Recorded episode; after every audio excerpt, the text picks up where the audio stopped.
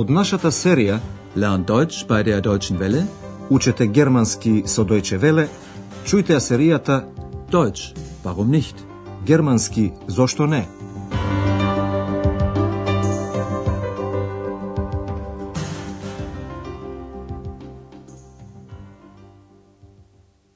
Liebe Hörerinnen und Hörer.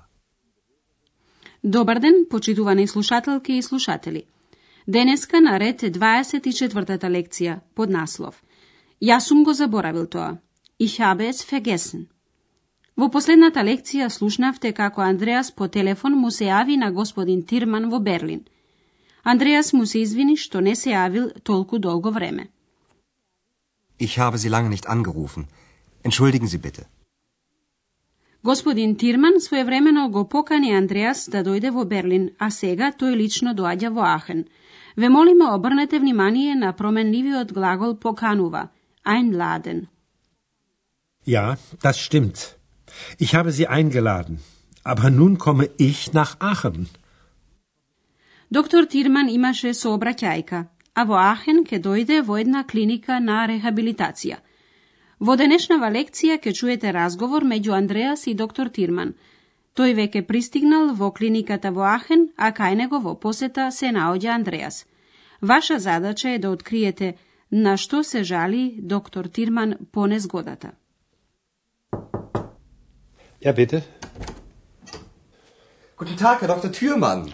Guten Tag, Herr Schäfer. Wie geht es Ihnen? Gut, sehr gut. Aber hier ist es ein bisschen langweilig. Wie ist Ihr Unfall denn passiert?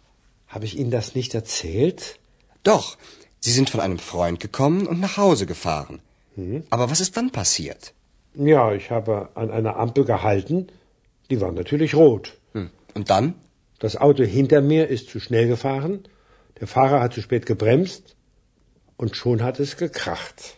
Und Sie? Was ist Ihnen passiert? Nicht viel. Aber jetzt habe ich sehr oft Kopfschmerzen. Ja, das war meine Geschichte. Господин Тирман, значи по сообраќајката има често главоболки. Чујте го истиот разговор уште еднаш. Андреас прашува за состојбата на доктор Тирман. Тој е добар, меѓутоа во клиниката му е малку здодевно, langweilig. Aber hier ist es ein bisschen langweilig. Андреас го прашува господин Тирман за незгодата, а овој прашува изненадено. Зар тоа вам не ви го раскажав? Habe ich Ihnen das nicht erzählt? Господин Тирман натаму кажува како со неговиот автомобил застанал на еден семафор, ампел, кој покажувал црвено, род. Да, јас застанав на еден семафор кој природно беше црвен. Ja, ich habe an einer Ampel gehalten. Die war natürlich rot. Господин Тирман продолжува да раскажува. Автомобилот зад мене возеше многу бргу, возачот сопре многу доцна и прасна. Das Auto hinter mir ist zu schnell gefahren. Der Fahrer hat zu spät gebremst und schon hat es gekracht. Господин Тирман не беше многу удрен, меѓутоа по силниот удар често има главоболки, Kopfschmerzen. Aber jetzt habe ich sehr oft Kopfschmerzen. Господин Тирман во следниот разговор е малку разочаран, enttäuscht, затоа што Андреас не се јавил толку долго време. Овој признава дека заборавил, vergessen, и набргу го свртува разговорот на рехабилитацијата на доктор Тирман. Тука се меша и екс. Ваша задача е да откриете на што се сеќава екс. Und Sie? Wie geht es Ihnen? Danke. Gut. Aber ich habe wenig Zeit gehabt. Die Arbeit, das Studium, dann haben mich meine Eltern besucht und. Und deshalb haben Sie mich nicht angerufen? Nein. Ich habe es vergessen. Das tut mir sehr leid. Wissen Sie, Sie haben mich schon ein bisschen enttäuscht. Naja, ist ja nicht so schlimm. Wie behandelt man denn hier Ihre Kopfschmerzen? Ich bekomme natürlich viele Massagen und dann die Quellen. Die Wärme tut mir gut. Das hat Große auch gesagt. Karl der Große? Ich höre ja nicht gut, aber das war doch nicht Ihre Stimme, Herr Schäfer. Nein, das war nicht meine Stimme. Das war ich. Ich glaube, Sie müssen mir auch eine Geschichte erzählen. Екс се сеќава на разговорот што Андреас го водеше со Карло Велики. Тој исто така се фалеше од топлите извори. Слушнете го внимателно уште еднаш разговорот меѓу Андреас и доктор Тирман. Овој му се обраќа на Андреас. Und Sie? Wie geht es Ihnen? Андреас е добар, меѓутоа додава, но јас имав малку време. Aber ich habe wenig Zeit gehabt.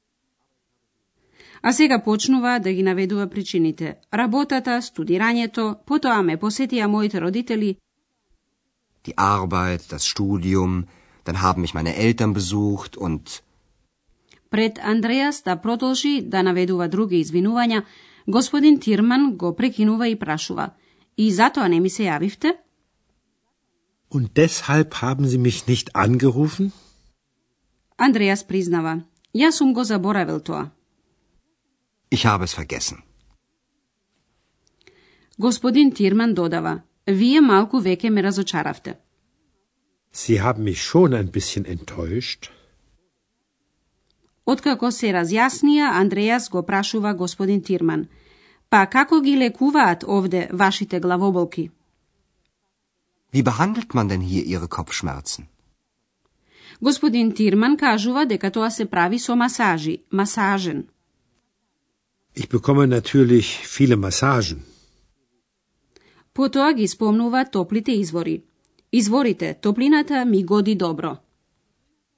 Die Quellen. Die Wärme tut mir gut. За термалните извори во Ахен дојде и Карло Велики.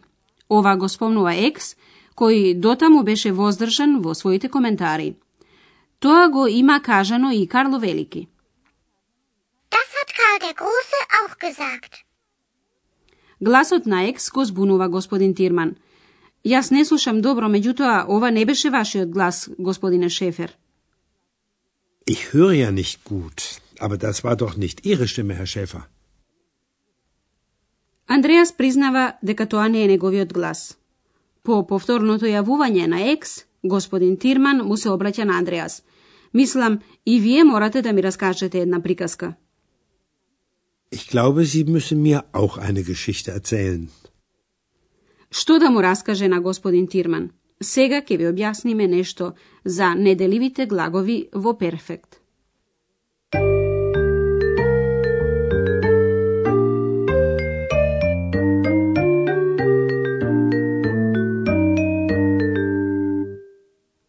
Некои глаголи имаат префикс кој не може да се оддели од нив. Префиксот не се нагласува. Пример се б или р. Besuchen. Erzählen. Глаголите besuchen и erzählen формираат перфект со помошниот глагол haben и партицип и на крајот се додава само едно т. Во почетокот да чуеме пример со префиксот б. Besuchen. Besuchen. Meine Eltern haben mich besucht. А сега пример со префикс r. Erzählen. Erzählen. Habe ich Ihnen das nicht erzählt? А сега глагол со префикс ent. Enttäuschen. Enttäuschen. Sie haben mich enttäuscht.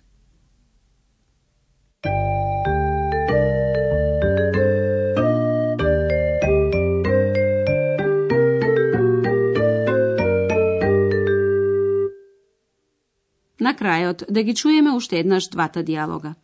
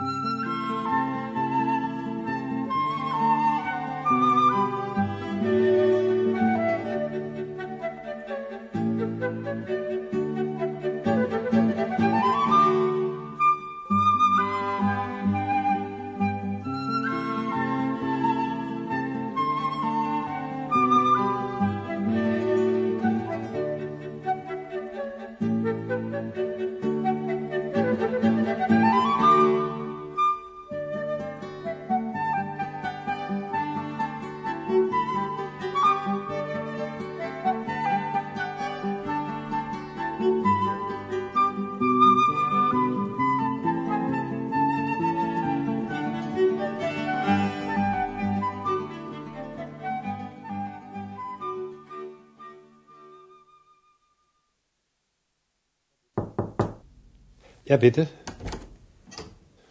Guten Tag, Herr Dr. Thürmann. Guten Tag, Herr Schäfer. Wie geht es Ihnen? Gut, sehr gut. Aber hier ist es ein bisschen langweilig. Wie ist Ihr Unfall denn passiert? Habe ich Ihnen das nicht erzählt? Doch, Sie sind von einem Freund gekommen und nach Hause gefahren. Aber was ist dann passiert? Ja, ich habe an einer Ampel gehalten. Die war natürlich rot. Hm. Und dann? Das Auto hinter mir ist zu schnell gefahren. Der Fahrer hat zu spät gebremst. Und schon hat es gekracht. Und Sie? Was ist Ihnen passiert? Nicht viel. Aber jetzt habe ich sehr oft Kopfschmerzen. Ja, das war meine Geschichte. Андреја спрашува за лекарската постапка во клиниката, а господин Тирман го слуша екс. Und Sie? wie geht es Ihnen? Danke, gut. Aber ich habe wenig Zeit gehabt. Die Arbeit, das Studium, dann haben mich meine Eltern besucht und... Und deshalb haben Sie mich nicht angerufen? Nein, ich habe es vergessen. Das tut mir sehr leid. Wissen Sie, Sie haben mich schon ein bisschen enttäuscht. Naja, ist ja nicht so schlimm. Wie behandelt man denn hier Ihre Kopfschmerzen? Ich bekomme natürlich viele Massagen und dann die Quellen. Die Wärme tut mir gut. Das hat Karl der Große auch gesagt. Karl der Große? Ich höre ja nicht gut, aber das war doch nicht Ihre Stimme, Herr Schäfer. Nein, das war nicht meine Stimme. Das war ich. Ich glaube, Sie müssen mir auch eine Geschichte erzählen.